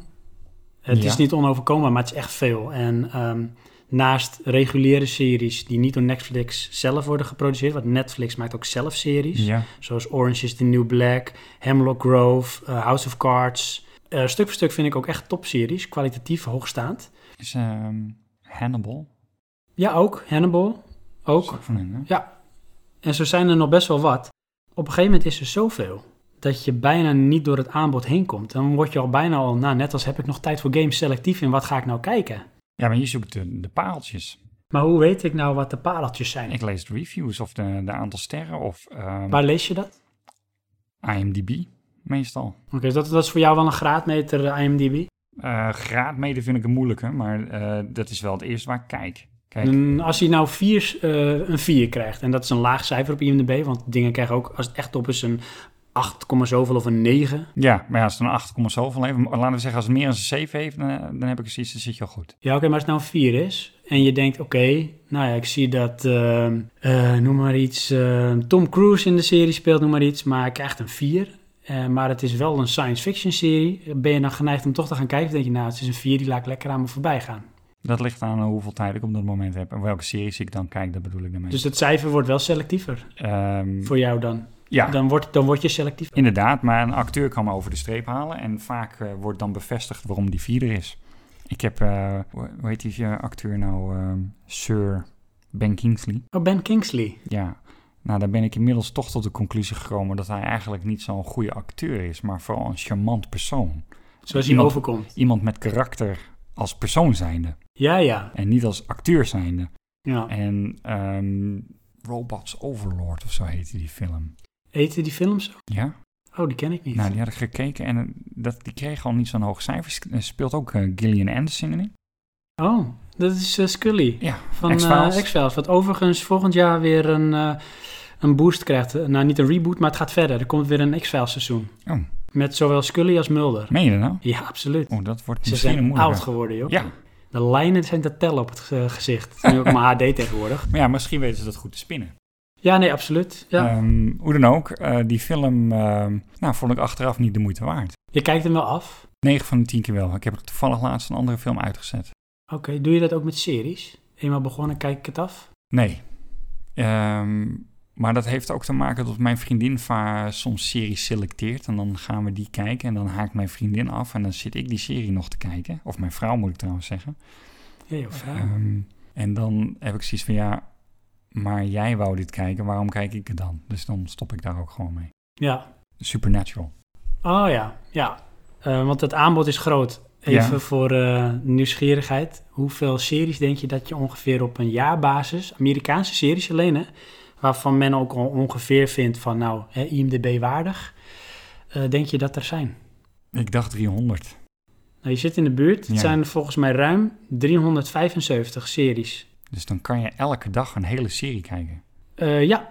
ja, en dan een serie als zijnde van het aanbod wat er op dat moment is. Hè? Want misschien heeft een serie pas één seizoen. Ja, maar elk jaar dus één nieuw, of er 300 zoveel nieuwe seizoenen. Eh, ja. ja, dus de, er komt aanbod bij, dingen worden afgesloten, maar er is altijd een soort aanbod van ruim 350, 375 series om te kijken. Ja. En dat betekent dat gewoon heel veel series, net als heel veel apps in de App Store, nooit het licht gaan zien, denk ik, bij het grote publiek. Eh, nee. Nee, dat, ja, oké. Maar bedoel je nou de hinten van de, er kan nog wel degelijk een pareltje verborgen zijn? Nou, dat denk ik wel, ja. ja. En eh, wat maakt nou een serie een goede serie? Nou, daar gaf je net aan, eh, dat kan een aantal factoren zijn voor jou. Maar Ja. ik denk dat een, een stukje goede marketing daarin ook wel essentieel is. Ja. Of een serie de potentie heeft om een goede serie te kunnen worden. En ehm, production value. Ja, Want Zeker. Dat heeft, eh, wel degelijk bijdragen. Kijk je naar een, eh, een Game of Thrones, die staat bovenaan, denk ik. ja dat is, vind ik, eh, bijna ongekend hoe goed dat er op momenten uitziet. Inderdaad. En- Bijna een soort, nou ja, noem het Lord of the Rings. Dat vind ik er visueel heel goed uitzien. Dat is absoluut niet mijn film, maar de Lord of the Rings trilogie.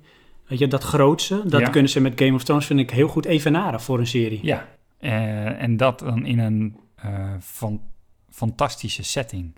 Want neem je realistische settings zoals True Detective, in mijn ogen zijn de budgetten daar veel lager voor. Ja, je hoeft niet zoveel eh, qua ehm, computer graphics en het manipuleren van wat je ziet, hoeven Maar zij niet zoveel te doen. en zo, je kan gewoon kleding selecteren. Ja. Je hoeft niet iets te maken. Ja, absoluut. De gemiddelde politieagent loopt niet met paard en harnas eh, op straat. Nee, nee, nee, als het goed is niet. Eh, en wat vind je van het niveau van Amerikaanse series? Als we ons even focussen op Amerikaanse series. Eh, ja, goed. In die zin, eh, kijk, dat geldt natuurlijk niet voor allemaal, maar ik vind Amerikanen kunnen iets, één ding heel goed en dat is entertainen. En wat blijkt dat- het uit voor jou? Wat is entertaining? Films maken, muziek maken, daar zijn zij toch wel eh, dominant in in de westerse wereld. Maar wat maakt nou dat dat iets is wat je bij wijze van spreken als popcorn op wil eten? Eh, daar, word je mee, daar groei je mee op. Maar dat hoeft nog niet eh, verslavend te zijn of zo. Wat maakt nou dat zo'n serie of een film iets is waar je, nou, wat je echt leuk vindt om te kijken? Zit dat in, in, zit dat in die snelheid? Of zit het dat het heel veel spektakel biedt? Of eh, dat ze heel sterk iets kunnen uitdrukken omdat die taal zich ervoor leent? Ja, dat weet ik niet. Als ik dan naar mezelf kijk, het creëert dus schijnbaar, net als in computergames, genoeg, nou, dat was stofmomentjes. Oké. En dat maakt voor mij een serie goed. Dus het hoeft niet het verhaal op zich te zijn. Het kunnen de onderdelen tijdens het verhaal zijn. Ja, om eh, een, voor, een voorbeeld te geven, Black Sails. Ja, dat is die... eh, waar gaat het over even kort? Ehm, piraten, Piraten. dat is het thema. Tegenwoordig of vroeger? Vroeger. Weet je, Ehm, ik denk meteen aan... eh, Black Flag. Ja, van, Van, eh, eh, Assassin's Creed. Inderdaad, nou, dat is het. Alleen dan een eh, serie ervan. Daarom, dat is ook de, voor mij de appeal waarom ik het ging kijken. Oh ja. En eh, nou, de verhaalontwikkeling is wel goed, maar het leunt heel veel op één karakter, vind ik dan. Dat vind ik een bepaald nadeel. Maar er zit een, eh dat is wel een beetje een spoiler, er zit een scène in waarbij dus een scheepsgevecht is. Dat is natuurlijk niet aan het ontkomen in de piraatserie. Nee. Uh, maar dat wordt zo in beeld gebracht, um, in tegenstelling tot een Pirates of the Caribbean, dat, je, dat ik zoiets zeg van, nou, dat is echt niet tof, dat wil je echt niet zijn. Oké. Okay. En daarmee identificeer ik me dus met die situatie. Of, Ja. of ik, pla ik weet mij te plaatsen in die uh, situatie qua gevoel. Ja, dus voor jou is dat eh, een, een realistischer beeld van hoe zoiets zou kunnen zijn. Ja, en het, het heeft eigenlijk niks met het nastreven van realisme te maken, maar dat stuk is dan goed. En behoudt het dan toch eh, het Hollywood sausje in die serie? Ja, Omdat het Amerikaans is? inderdaad, er zitten dingen in die, die zijn vergezocht en eh, het gaat allemaal van eh, als dit en dat en zus en dan en zo allemaal goed gaat, dan gaat het lukken. Dat zijn van die eh, dingen ja, die eigenlijk onmogelijk zijn. Ja, en als je dan kijkt naar series nu en series eh, vroeger dat je kleiner was, worden series dan ook realistischer? Want je noemt inderdaad een paar keer van nou, realistisch wordt neergezet, ik kan me heel goed identificeren. Dan denk ik even aan E-Team, waarbij als ik ze opsluit in mijn schuur en ik haal alles uit dat in die schuur zit, komen ze er toch naar buiten met een bazooka. Ja, en ze- MacGyver? Ja, eh, dat is niet realistisch, Nee, maar wel entertaining. inderdaad. Eh, maar ehm, ik denk jij ook, we waren aanzienlijk jonger.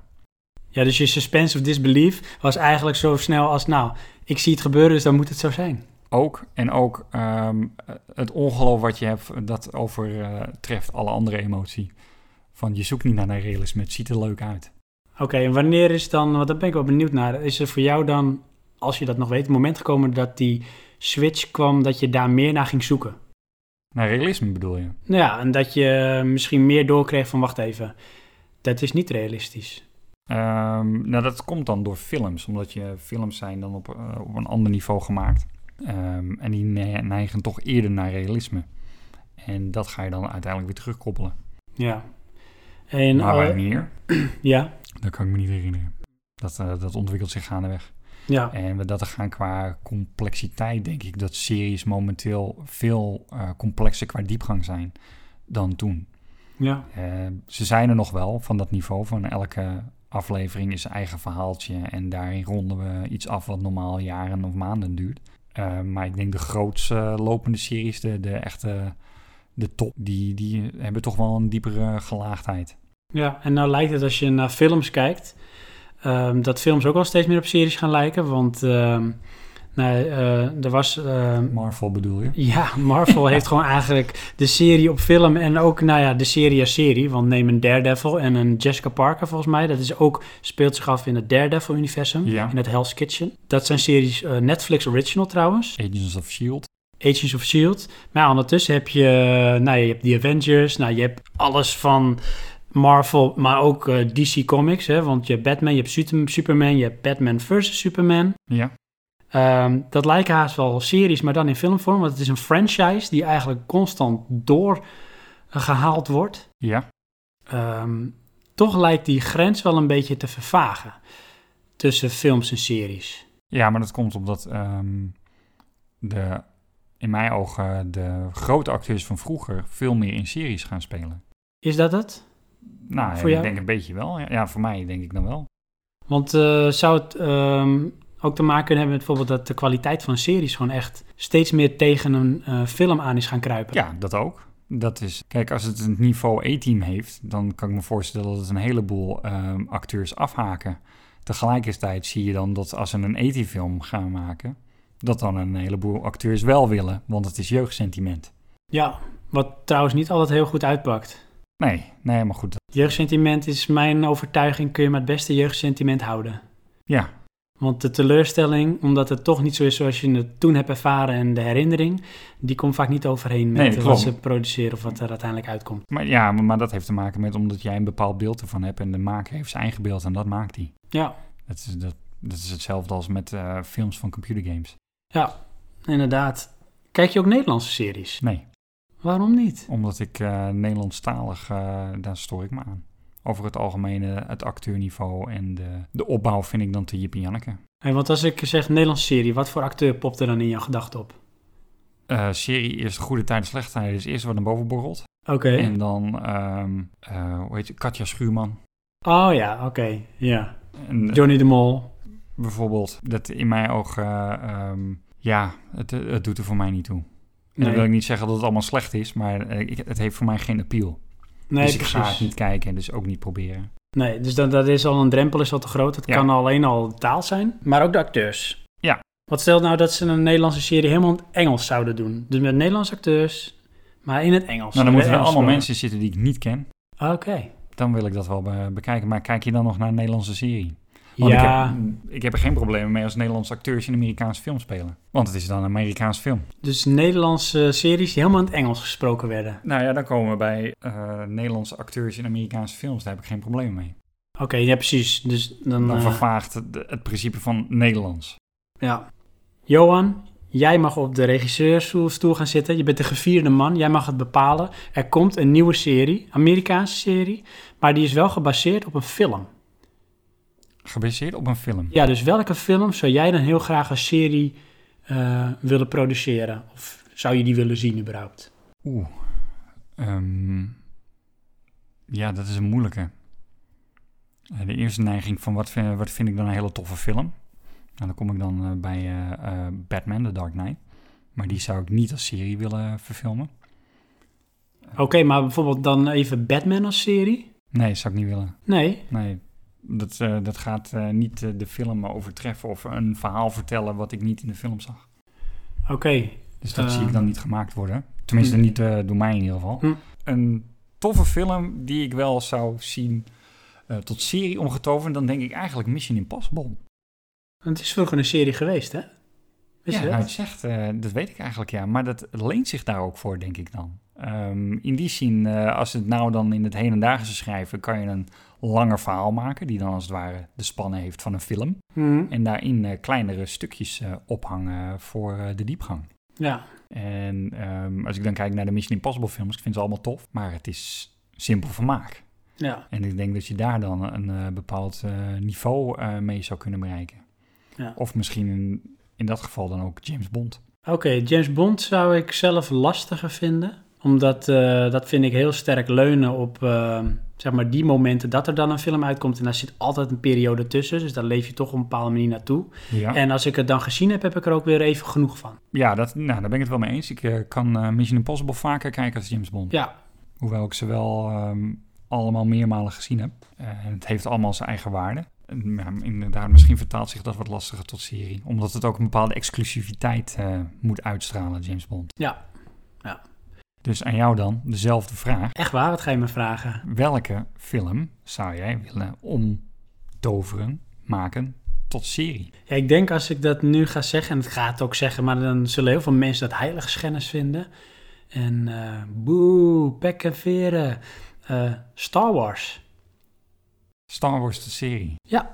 Eh, Star Wars is een universum op zich. Dat heeft zich al bewezen doordat er ook een animation-serie is. Er Ja. is heel veel videogames, er zijn boeken.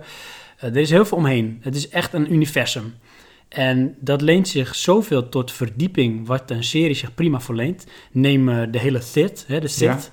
Dat wordt, ehm wat die discussie heb ik toevallig met een maat van me laatst. En er wordt in zijn ogen veel te weinig uitgediept in de films. Ja, Er wordt een suggestie gewekt dat er maar twee mensen zijn die de Sith vertegenwoordigen. En er zijn heel veel Jedi's, maar er zit zoveel meer achter en heeft zoveel meer gespeeld. Daar kun je bij wijze van spreken een heel seizoen mee vullen als het niet een hele, hele serie is. Ja, ja, het leent zich daar wel voor. Maar ik heb ook een beetje het idee dat eh, Disney heeft het nu. Dus dat gaat er wel komen, al is het eh, in 20 films. Oké, ja, precies. Nou, dat zou kunnen, dat het op korte termijn als films op elkaar volgt. Maar dat gegeven van, nou, nou neem even, als ik aan Star Wars denk, dan denk ik meteen al aan het geluid van die, van die wapens. Ja, En eh, de soundtrack van John Williams. Dat is zo, zo, zo sprekend, zo iconisch. Ja, dat, dat herken ik dan meteen terug als de serie is. En dan, dan wil ik eigenlijk dan wil ik me helemaal daardoor laten bedruipen. ja. Maar ehm, denk je dat daar vraag naar is? Nou, weet je wat het is? Ehm, in 2007 wist ook niemand dat de vraag was naar een iPhone. Aanbod kun je, vraag en aanbod, weet je, dat, dat kun je een beetje manipuleren en creëren. Ja, dat is wel zo, maar ehm, want daarom stel ik die vraag. Als ik voor mezelf spreek, denk ik ja, vet. Maar vraag ik dit aan mijn broertje, die denkt van nou, die oude meuk, dat hoef ik niet hoor. Inderdaad, want wat jij nu zegt, daar raak je inderdaad wel een punt. En die discussie heb ik met mijn zwager. Mijn zwager is eh, tien jaar jonger dan ik. Mhm, mijn broertje ook. En hij kan de films nog heel erg waarderen. Hij ziet daar ook wel, eh, omdat hij toch een bepaalde filmliefhebber is, wel een beetje in die periode hoe mooi het was. En dat waardeert hij, daar kan hij graag naar kijken. Ja. Maar een vriend van hem, zelfde leeftijd, die zegt: Ik vind Star Wars echt tof. Maar die eerste drie films kan ik niet kijken. Dat is de ouderwets. Eh, maar dan de eerste drie gemaakte bedoel je? De eerste drie gemaakt, ja. Ja. Want de, dus die vanaf eh, 1999. Ja, Dus eh, de Phantom Menace ja, en dan verder, die kan hij heel goed zien. Maar die andere zegt hij inderdaad van nee, dat is een te grote era zit daartussen. Dat zie je gewoon feitelijk hoe Ja. het eruit ziet. Ja, dat trekt hij niet. Dus daar zou ik me kunnen voorstellen, omdat hij daar toch ander idee bij heeft, andere gevoelens. Ja, ja, mijn broertje heeft precies eh, hetzelfde. Ook met het stijltje, dat trekt hij gewoon niet. eh. Maar als je kijkt naar het onbekend maakt onbemind, er schijnt ook een reboot te komen van eh, Back to the Future als film. Ja, is dat niet die documentaire? Nee, er komt echt een film. Er komt ook een film. Ja, en dan denk ik meteen, ja, dat moet je echt niet doen. Nee. Maar er is nog een heel publiek wat nog nooit eigenlijk van Back to the Future heeft gehoord. Of wat het nog een beetje vaag kent omdat papa dat vroeger keek. Ja, klopt. Die kun je nu opnieuw in aanraking laten komen met, eh, met dat universum. Ja, en maar zo zou dat met series eh, ook kunnen. cheapy weepy dan? Dat hangt er vanaf. Nou ja, ik vind het algemeen remakes, eh, heb ik precies, dat hoeft niet. Nee, maar soms is het wel, eh, pakt het goed uit. Neem even de Batman remakes. Ja. Die zijn in alle opzichten, vond ik, zo goed geslaagd. Klopt, maar dan noem je wel een uitzondering, denk ik. Eh, ja, neem de Spider-Man remake. Die vond ik ook beter dan het origineel. Want die met eh Tobey Maguire... Ja, Nou ja, sorry, maar dat was niet een, een Spider-Man zoals ik ze van de comics... en van de televisie-tekenfilmserie kende. Ehm, nee, maar nou, ja, weet ik niet. Als ik dan de nieuwe zag, had ik zoiets van, nou, dit is het ook niet. Dus dan, voor mij had het dus niet gehoeven. Nee. Ik heb eh, mijn probleem eh, waarom ik dit dus vraag is van, ehm, waarom maken ze niet gewoon nieuws? Ja.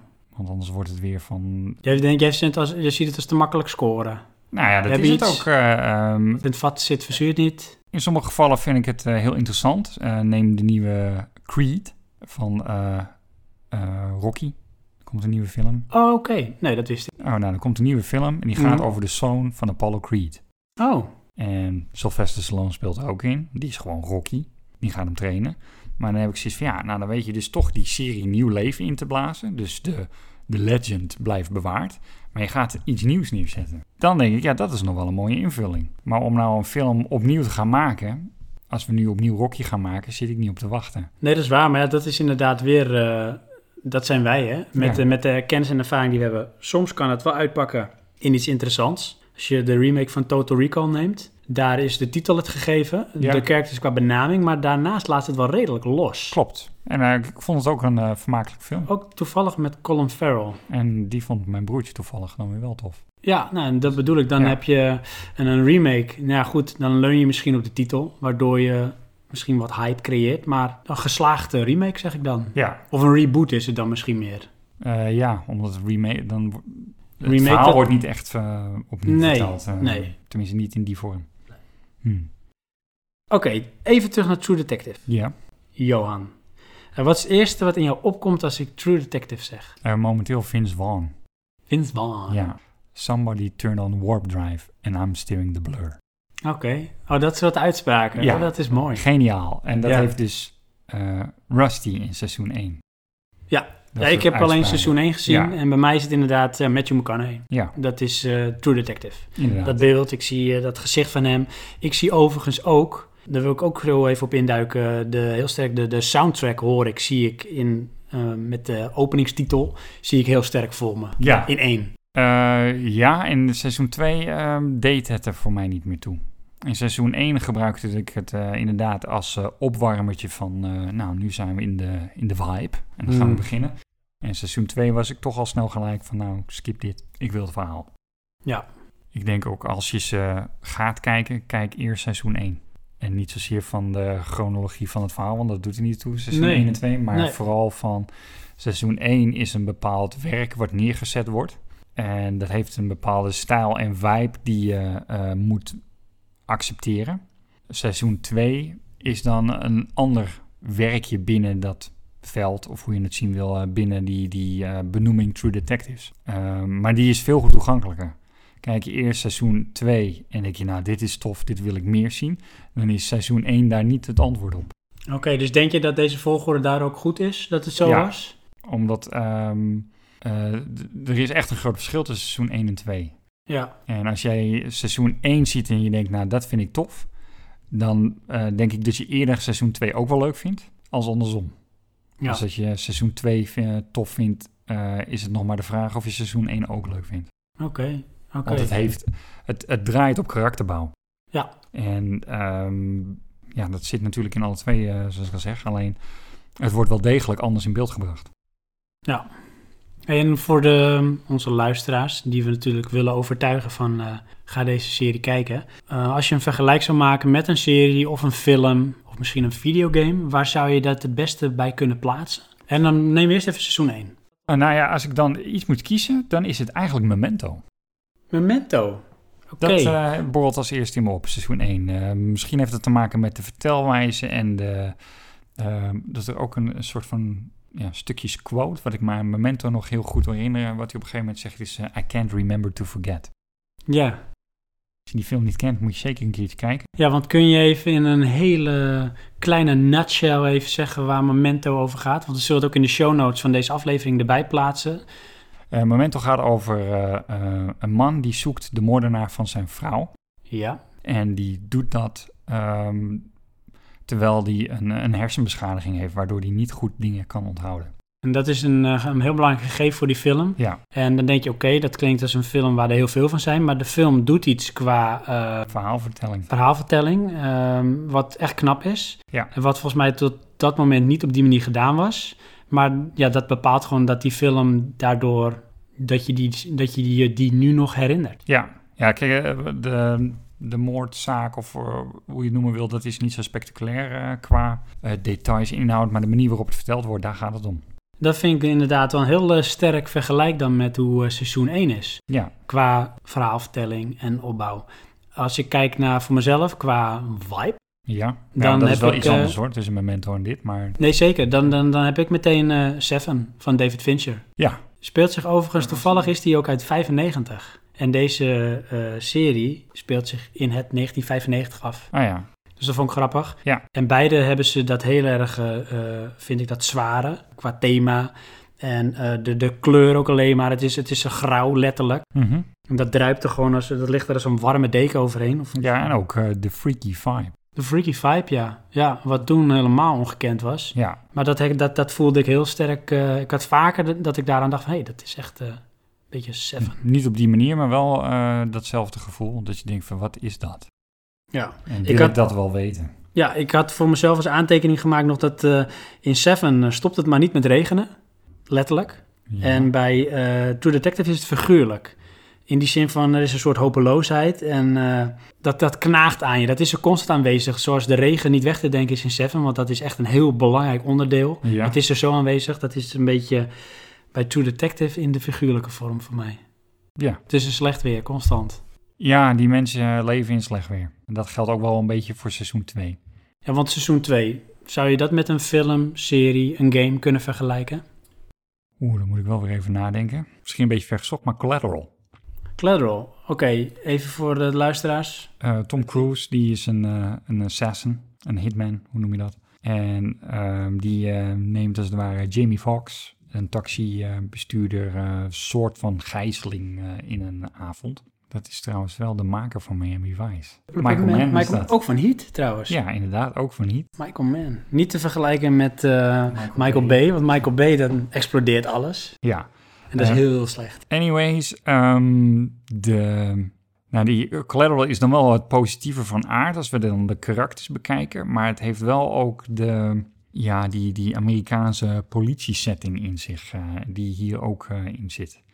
Oké. Hoewel het niet draait om politieagenten, maar ja, moet ik dat zeggen? Ik denk dat toch een beetje dat het komt door de belichting en de, de filmstijl, dat het dat bij me oproept. Ja. Het is misschien een beetje een, een vergezocht vergelijk, maar Nou ja, dat roept iets bij je op. ja. En dat vond je ook eh, beide goede films, Memento en Collateral? Ja. Ja, heb ik meermalen gezien, alle twee. Ja. Nou kijk ik wel meer films meermalen hoor. Dus En dan kijk je, eh, zoals True Detective, kijk je dat alleen of kijk je dat met, eh, met je vrouw? alleen. Eh, dat heeft met seizoen 1 te maken. Dat ik echt van, het is voor freaky shit. Ik weet niet of ik dat wel met mijn vrouw wil kijken. En seizoen 2, ja, dan moet ik eh, mijn vrouw daarvoor weten te interesseren. En dan denk ik, ja, dat hoeft niet. Dat is niet nodig. Eh, Kijk je wel series samen? Ja, Big Bang Theory Oh ja, en Elementary. Elementary. Dat is dat Beetje moderne Amerikaans, eh, Sherlock Holmes. Dat is toch wel eh, hoofdzakelijk één episode, one story.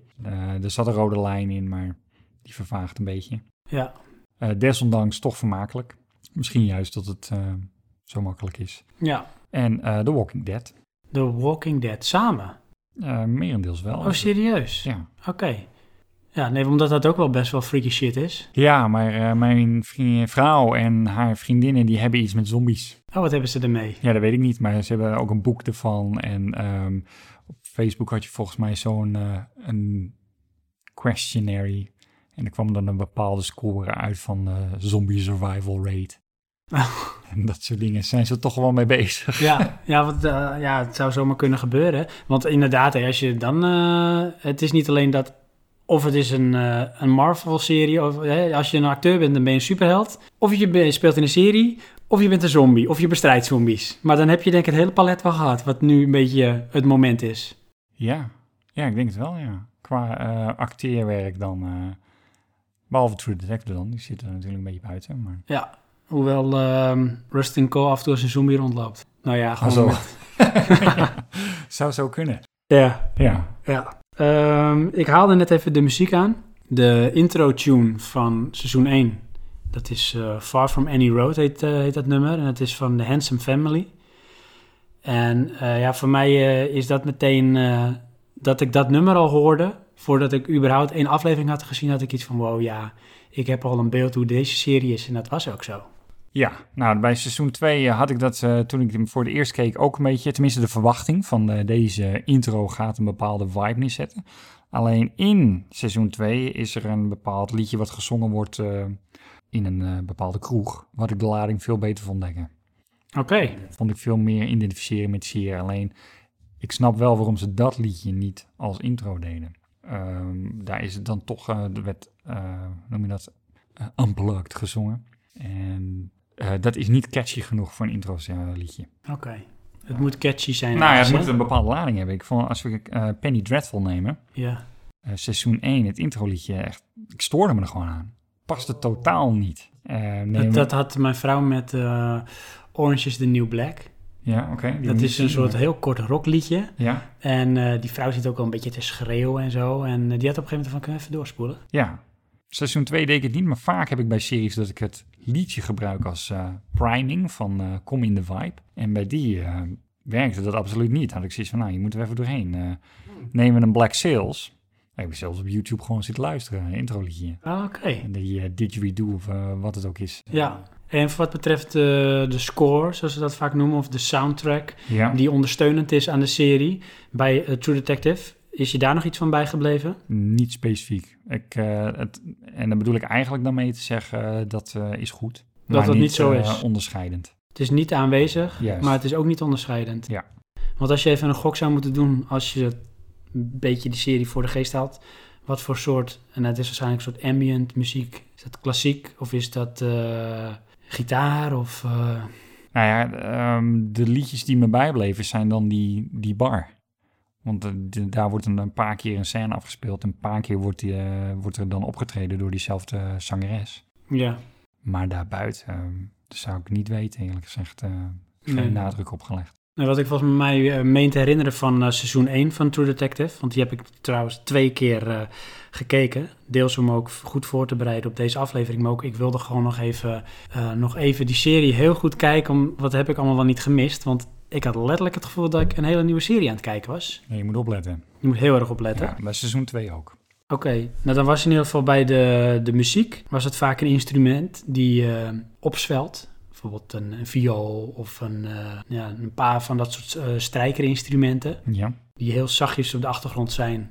En net genoeg om een bepaalde sfeer over te kunnen brengen, maar niet genoeg om te aanwezig te zijn. En dat vind ik ook de kracht, want als muziek te aanwezig is, dan vind ik waarschijnlijk de film helemaal niks, of de muziek is te hard of te Ja. aanwezig. Ja, ja, precies. Dat bedoelde ik ook een beetje te zeggen. Van, het het eh, zal er vast geweest zijn, maar niet op een storende manier. eh. Nee. Aan wie zou jij True Detective aanraden? Aan wie zou ik True Detectives aanraden? Ja, eigenlijk. ehm, ik denk dan toch wel een beetje eh, ehm, een filmliefhebber. En daar bedoel ik dan mee mensen die meer zoeken dan de, de basis entertainment films. Ja, dus eh, verwacht ehm, geen CSI, Nee.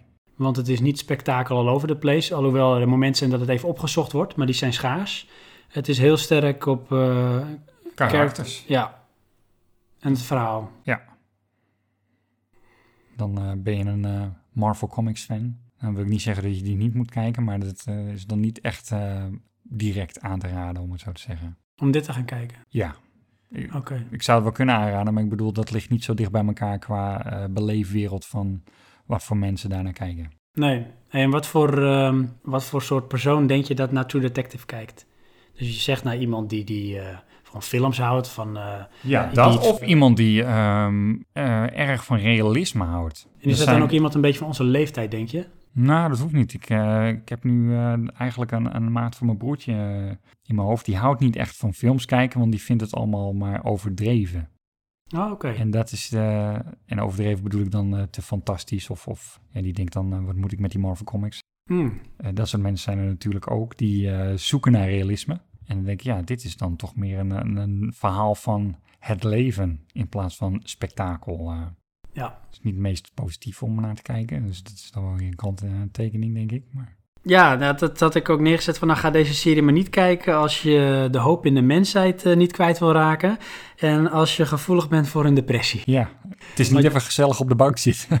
Nee, van nou, even gezellig, popcorn erbij, alsof ik naar The Voice of Holland ga kijken. Nee, nee dat is het eh, inderdaad niet. Ik denk dat ik me daar ook wel eh, bij aansluit, want eh, ook voor mij is het van, als je van verhalende films houdt, die inhoud hebben, waarbij een karakter, zoals ik het noem, eh, multidimensionaal is. Dus niet een Michael Bay film, maar misschien wel een Michael Mann film. Dan is dit denk ik wel een serie voor je. Ja, en dat maar op zich kan je toch een beetje met Quentin Tarantino vergelijken. Die heeft toch, vind ik, eh, dat eh, veel van zijn films zijn opgebouwd rond een bepaald karakter. En dat wordt dan wel een beetje over de top neergezet. Eh, en dan de rest van de film ook. Maar het is wel dialogen wie zo'n persoon is. Ja, inderdaad, absoluut. Want als ik dat hoor, dan denk ik meteen bijvoorbeeld aan eh, ehm, hoe heet Pulp Fiction. En dan denk ik aan Samuel. Jackson. Ja. Met zijn epische monoloog, monologen die hij heeft. En, en hoe die dingen ziet en uitlegt. En die characters zijn zo sterk, de dialogen zijn zo sterk. Dat zijn de characters en die dialogen die de film dragen. En niet zozeer het verhaal of de ontwikkeling van de film. Ja. I dare you to say what one more time. What? What country you from? What? What? What ain't no country I ever heard of? They speak English and what? What? English, but do you speak it? Yes. Then you know what I'm saying. Yes. Describe what Marcellus Wallace looks like. What? Say what again? Say what again? I dare you. I double dare you. Oké, nou we hebben heel wat besproken, Johan. We hebben even gekeken waar het over gaat. ehm, of we het een goede serie vinden. Waar in onze ogen een serie, eh, een goede serie aan zou moeten voldoen. Even gekeken überhaupt naar eh, hoeveel series we kijken. De ontwikkeling van Amerikaanse series. Eh, True Detective, een eh, top of een flop? Een top. Want, Ehm nou, seizoen 1 eh tikt eh, twee van mijn drie. Eh, waar, doet een voldoen, waar moet een goede serie aan voldoen? eh, punten aan. En eh, seizoen 3 eigenlijk alle drie. alle drie. Dus dan is de seizoen 2 wel de winnaar als je ze in een gevecht zet tegenover elkaar. Voor jou. Mm, Dat vind ik dan weer moeilijker, want seizoen 1 heeft wel duidelijk een, een, een sterker karakter als serie zijnde. Oké. Dan seizoen 2. Seizoen 2 is aanzienlijk toegankelijker en maakt het dan toch een beetje oneerbiedig gezegd afgeslapt. Ja, oké. Nou, seizoen 1 en seizoen 2 zijn eh, sowieso te zien via HBO, als je een abonnement daarop hebt. Ze zijn ook op wat minder legale manieren te vinden, maar dat moet je lekker zelf uitzoeken hoe je dat gaat doen. Ja, wees Ons, creatief dan. Ja, wees creatief. Ons advies is, ga het kijken en eh, geef ons ook alsjeblieft de feedback wat je ervan vindt. En of je, als je het dan gezien hebt, eh, met onze mening identificeert of niet. En Ja, waarom. ben je het inderdaad eens of oneens met ons? Geef dat absoluut aan. Hoewel, als je het oneens bent, dan weten we je te vinden. in, de, in de comments. In de comments. Ja, er wordt een sterke vorm van censuur gepleegd op de website.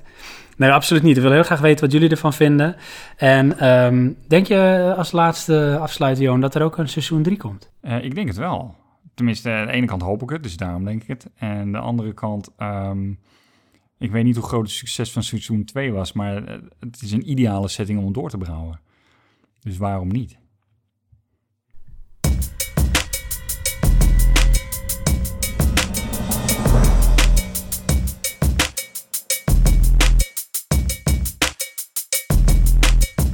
Nou, we zijn aan het eh, einde gekomen, Johan, van onze eerste officiële aflevering. Ja, Hoe vond je het? en eh, weer een beleving. Weer een beleving. Is dat positief? Ehm, Ja, ik denk het wel. Ik vind het leuk om te doen, maar ik ben eh, toch erg benieuwd naar het eindresultaat. Ja, want de uitdaging wat we aan het begin aangaven zit hem nu in hoe gaan we dit in godesnaam editen? Dat ten eerste, maar ten tweede ehm, hebben we eerst zitten prediken dat we nieuwe microfoons hebben. Dus nou ligt de verwachting zo hoog en voldoen we daar ook aan. Een paar dingen, en dan noem ik maar even de huishoudelijke mededelingen. Praatje Podcast is sowieso te vinden op onze website. Dat is praatjepodcast.nl. Praatje en podcast, zoals je podcast dan schrijft, aan elkaar Volgens vast.nl. mij zijn we momenteel de eerste hit op Google. Kijk, dat bedoel ik. Dus als je Google opstart, dan vind je ons gewoon. Ah, Oké, ik bedoel dan als je in Google Praatje Podcast zoekt. Oké, top. Kijk, dat eh, hebben we dan goed gedaan met de metadata. Eh, daarnaast eh, zijn de afleveringen die zijn daar te vinden. Daar staan ook uitgebreide show notes. Kun je je reacties achterlaten. Ehm, gebruik je iTunes? Nou, op iTunes zijn we ook te vinden. Abonneer je. Laat een recensie achter, alsjeblieft. Want dan komen we hoger terug in de ranking. Waardoor we een nog breder publiek kunnen gaan bedienen. Omdat we toch ook bredere onderwerpen hebben. Eh, je kunt ook een waardering achterlaten, 1 tot 5 sterren volgens mij. Doe dat alsjeblieft. We staan op Soundcloud, want daar staan feitelijk onze, onze afleveringen. Ehm, op YouTube zijn we ook nog te vinden, Praatje Podcast. Daar hebben we ook eh, bijvoorbeeld eh, wat promomateriaal of misschien wat ander videomateriaal wat we in de toekomst willen gaan plaatsen. En verder zou ik zeggen, spread the word. Ja, luister onze oude aflevering ook. De Ja. pilot. Ja, en ja, laat je zoveel mogelijk je comments achter, je feedback. Overigens, heb je een, een idee of je, je wil iets kwijt, je vindt Johan lief en je vindt Sven stom, of je lust graag eieren, nou dan kun je dat mailen naar eh feedback apenstaartje praatjepodcast.nl en feedback als in eh F E D B A C K feedback praatjepodcast.nl en kun je alles achterlaten. En eh, nou, we gaan ook trachten in eh, toekomstige afleveringen ehm, de feedback die we binnenkrijgen via de mail of de website eh, te gaan behandelen. Zodat je nog meer onderdeel wordt ook van, eh, van onze uitzending. Eh, dus dat, ja, daar gaan we naar kijken. Daar gaan we zeker wat mee doen. Ehm, dan over ehm, hoe vaak wij met een aflevering gaan komen. Daar hebben we het uitvoerig over gehad. We hinken op twee gedachten. Wordt dat drie wekelijks of maandelijks? Nou, gezien de voorbereiding eh, zit toch wat werk in eh, het uitwerken van de afleveringen en het editen als we het opgenomen hebben. Gaan we in eerste instantie voor een maandelijkse podcast. Dus dat betekent dat je elke maand een aflevering van ons kan verwachten. We hebben meerdere rubrieken. Hè? We hebben nu videogames behandeld. eh, vorige week. We hebben nu films en series behandeld. Want dat nemen we dan even als films. Dan houden we nog over, Johan, muziek en technologie. Ja. Heb je al een voorkeur zonder dat het een inhoud heeft welke van de twee rubrieken we zouden kunnen pakken? ja, ik denk dan dat we ehm, technologie doen. Want die zie ik als moeilijker. Technologie. Dus eh, bij deze de belofte aan jullie dat onze volgende aflevering is die uit de categorie technologie. Nou, dit was Praatje Podcast. Bedankt voor het luisteren en tot de volgende keer. Tot de volgende keer. Dag.